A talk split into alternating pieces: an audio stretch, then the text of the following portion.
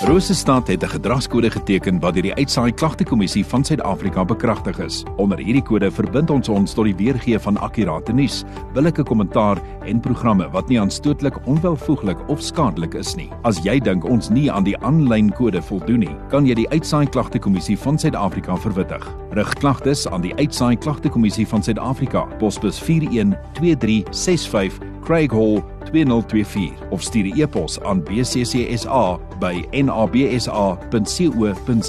Vir verdere inligting besoek www.bccsa.co.za.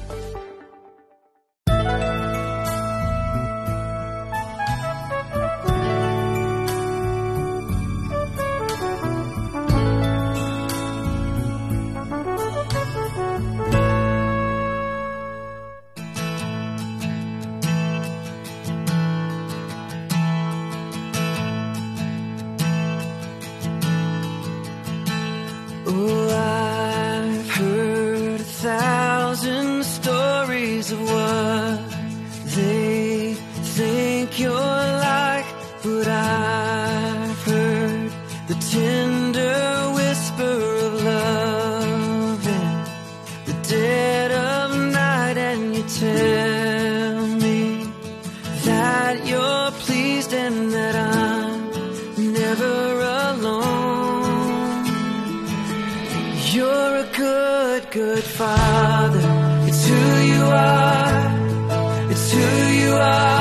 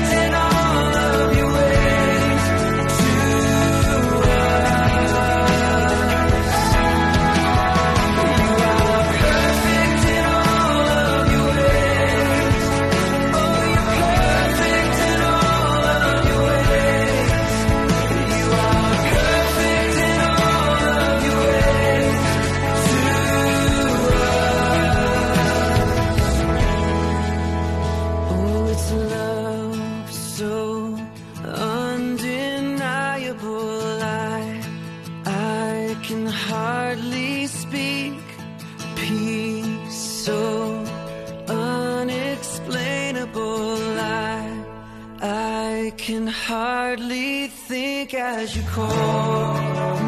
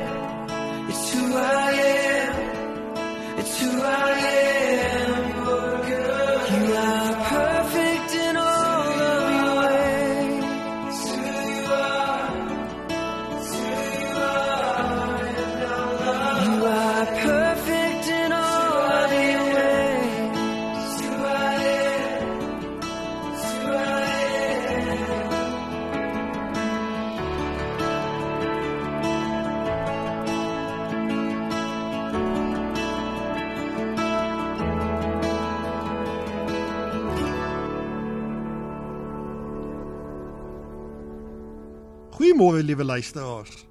Dit is Saterdagoggend. Ek vertrou dat dit 'n goeie dag en 'n aangename naweek sal wees. Na 'n woelige week het 'n mens op 'n Saterdagoggend daarom die geleentheid om rustig te wees, op jou gunsteling stoel te sit en oor die week en dieper vraagstukke van die lewe na te dink. Ons was hierdie week besig gewees met die boek Deuteronomium. Ons het deurgangs beklemtoon God se getrouheid, God se barmhartigheid, God se genade en ons het ook daarmee saamgehoor dit vra van ons dankbaarheid teenoor die Here, maar ook 'n verantwoordelike lewe teenoor mekaar. Vanoggend wil ek 'n teks neem uit Deuteronomium 3. Dit is iets wat naby kom aan die hart van elkeen van ons. En dit is wanneer die lewe vir ons nee sê. 'n Mens het 'n begeerte, 'n mens het 'n bepaalde verwagting, maar dit loop nie heeltemal soos jy verwag het of soos jy beplan het nie. In die Bybel lees ons dikwels van 'n nee. Moses hier in Deuteronomium 3 en Paulus met die doring in die vlees is seker van die bekendste voorbeelde. Kom ons lees vanoggend uit Deuteronomium 3. Ek lees vir ons vanaf die 21ste vers. Ek het destyds vir Josua gesê, jou twee oë het nou alles gesien wat die Here jou God met hierdie twee konings gedoen het. So sal die Here nou doen met al die koninkryke waarna toe jy nou gaan deurtrek. Moenie vir hulle bang wees nie. Die Here jou God sal vir julle veg. Dit was toe dat die Here dat ek die Here gesmeek het. Here my God, U het begin om my U grootheid en U groot mag te laat ondervind. Watter God is daar in die hemel of op die aarde wat U magtige dade kan nadoen? Laat my tog nou deur die Jordaan gaan om hierdie mooi land te gaan bekyk die mooi bergwêreld en die Libanon. Maar deur julle toedoen het die Here destyds vir my kwaad geword en daarom het hy nie nou my gebed verhoor nie. Hy het vir my gesê: "Jy het nou al genoeg daaroor gepraat. Moenie weer met my oor hierdie saak praat nie. Klim eerder Pisgaberg uit en kyk na die weste en die noorde, die suide en die ooste. Kyk daarna, want jy sal nie hierdie Jordaan oorsteek nie. Gee vir Josua sy opdragte. Praat hom moed in en gee hom raad, want hy moet voor hierdie volk uit deur die Jordaan trek en hy moet hulle die land wat julle sal sien in besit laat neem. Kom ons lees net tot sover. Die insident waarna Moses verwys is opgeteken in Numeri 20. Julle kan ook dit in meer detail gaan lees. Dit was naamlik by Meribah waar Moses nie direk gehoorsaam was aan die opdrag wat die Here vir hom gegee het nie. Die groter konteks is dat Moses het met die kie op die rots geslaan plaas om daarvan om in die rots te praat. daarmee het hy dus die grootheid van die Here nie eerbiedig nie en was hy dus ongehoorsaam aan die Here. Natuurlik sou 'n mens kon veronderstel dat Moses dikwels met hierdie saak voor die Here gestaan het, dat hy daarmee geworstel het. Ons verneem dan nou ook uit die 26ste vers jy het nou al genoeg daaroor met my gepraat. Moses ontvang 'n nee. Moses die knegg van die Here met wie die Here 'n intieme verhouding gehad het. Moses die knegg van die Here so lees ons in die 34ste hoofstuk wat deur die Here self begrawe is 'n naby verhouding en tog ontvang hy nee. 'n Mens sou kon argumenteer as daar dan nou een persoon is wat verdien het om die beloofde land in te gaan, dan moes dit Moses gewees het. Moses het nie net die uitdagings van sy volksgenote moes weerstaan nie, maar dit was ook 'n moeilike deurtog vanweë uitdagings met ander volke en ook bepaalde omstandighede. Ons dink te veel daaraan dalk as 'n beloning vir die werk wat hy gedoen het. Wat vir ons opval is dat die Here vir Moses sê: "Jy gaan nie die beloofde land in nie. Jy gaan dus nie die Jordaan oorsteek nie." Maar in die 27ste vers verneem ons dat hy die Pisgaberg moet uitklim en van daar sou hy 'n uitsig oor die beloofde land gehad het. Dikwels word die opmerking gemaak dat Moses iets anders ontvang het, 'n ander perspektief, 'n ander blik op die beloofde land as wat die Israeliete wat ingetrek het ontvang het. Maar 'n mens sou ook seker kon vra, is die tweede prys net so goed as die eerste prys? Ek kan my goed indink dat daar baie vrae in die hart van Moses was. Maar in die teks wat ons gelees het, hoor ons naas die nee ook 'n opdrag dat hy vir Joshua moet bly ondersteun en moet inpraat omdat Joshua 'n belangrike taak het wat op hom wag. Liewe luisteraars, wat maak ons met die uitdaging wat ons hiermee gekonfronteer word? Die uitdaging is die nee. Beteken dit dat die Here sy gebed nie verhoor het nie? Beteken dit dat die Here Moses nie vergewe het nie? Beteken dit dat Moses dalk gestaf gebly het? Want trouens in die boek Deuteronomium lees ons telke male Moses se verwyd aan die Israeliete dat hy die beloofde land nie kon intrek nie.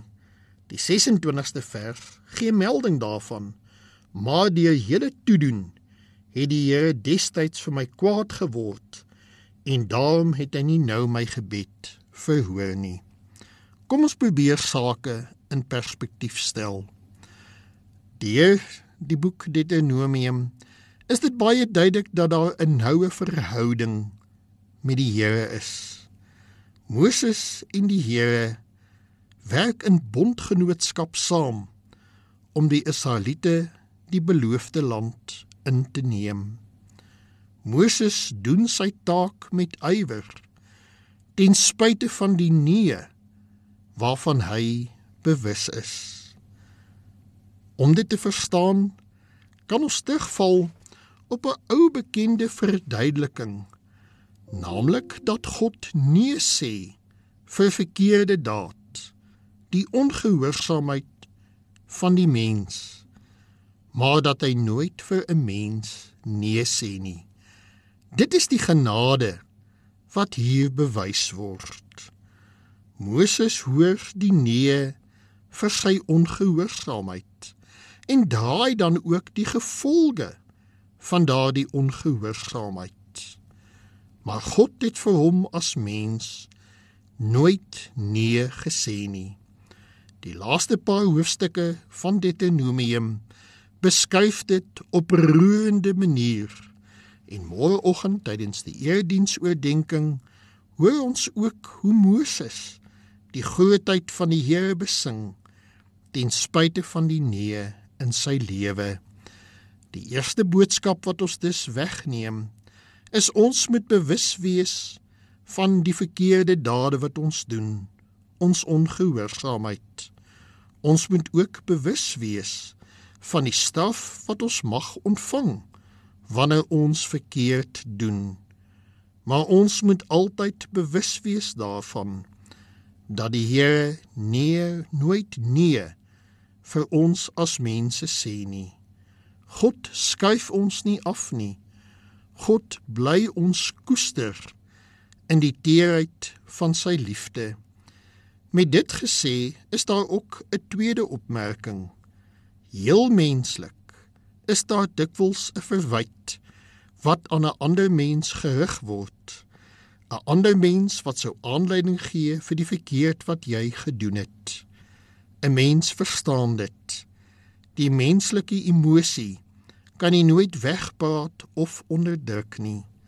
Maar ook hiervoor vra ons 'n besinning. Is dit nie dalk ook nodig dat ons in beheer van onsself moet bly nie? Moet ons nie met groter aandag luister na wat die verwagting van die Here is nie? Moet ons toelaat dat mense ons so dikwels kan ontwrig, dat mense ons kan ontstig, dat ons baie maklik verkeerd kan doen en die Here kan teleurstel?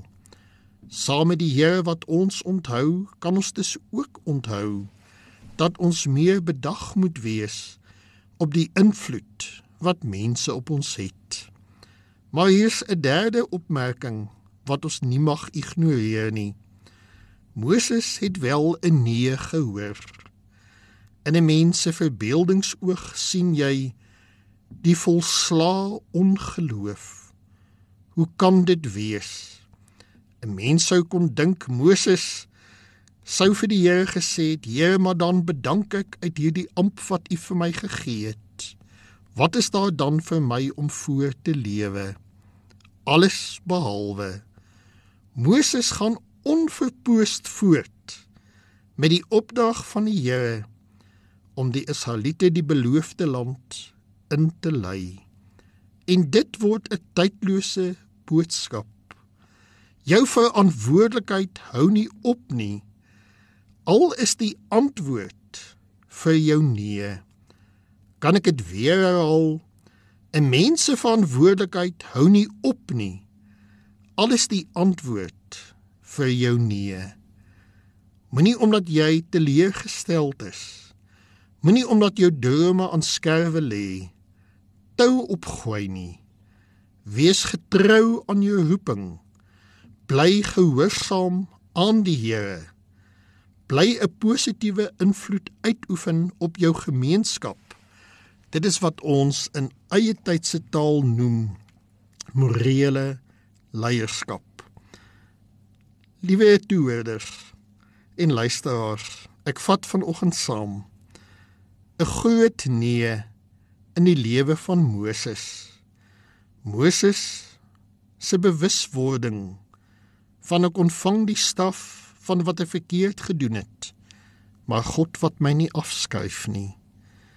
Moses wat ook op 'n manier gesensitiseer word en daarom ook ons dat ons bedag moet wees op die invloed wat mense op ons lewe kan hê maar dan 'n kosbare ervaring om nie op te gee op jou roeping nie om nie weg te stap nie maar om gehoorsaam te bly, om getrou te wees aan die Here, om met liefde en deernis steeds te lewe teenoor elke mens, selfs diegene wat 'n hindernis op jou pad geplaas het. Ek nooi elkeen van julle uit om deur hierdie Saterdag die boodskap te oordink en te bedink en dan ook te vra, wat doen jy? met die neus wat jy in jou lewe ontvang het. Kom ek bid vir ons saam. Here, dankie vir die pas afgelope week. Dankie vir die seën van elke dag. Dankie dat ons U opnuut ontmoet vanuit die boek Deuteronomium. Dankie dat 'n ou Bybelboek ons weer kom herinner aan wie U is, 'n liefdevolle Here. Here, vanoggend is daar so baie van ons wat so baie neus in die lewe ontvang het. En baie van hierdie neus glo ons kom ook uit u hand uit. Here dalk het dit ook 'n afstand of 'n verwydering gebring tussen ons en u. Maar die neus roep ons weer op om opnuut te ontdek. U skuif ons nie af nie. U skuif ons nie eenkant toe nie. Daarvoor sê ons dankie en vra ons om vandag met oorgawe te lewe, U te bly loof en prys. Dankie daarvoor. Amen. Liewe luisteraars, ek wens vir elkeen van julle 'n mooi Saterdag toe. Groete.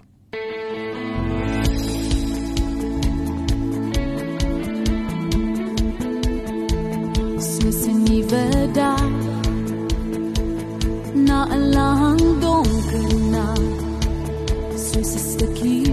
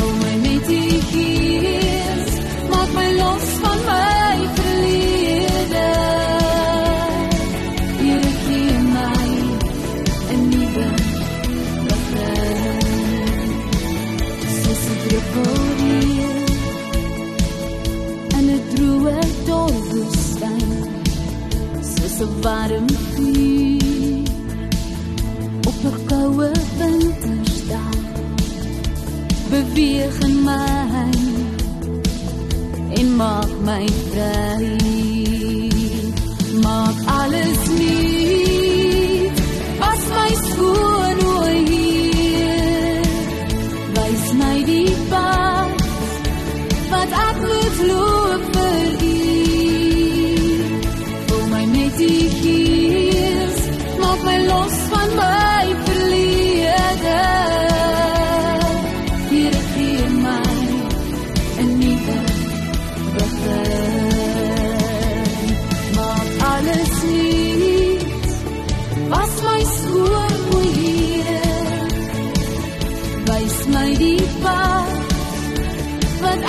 ek moet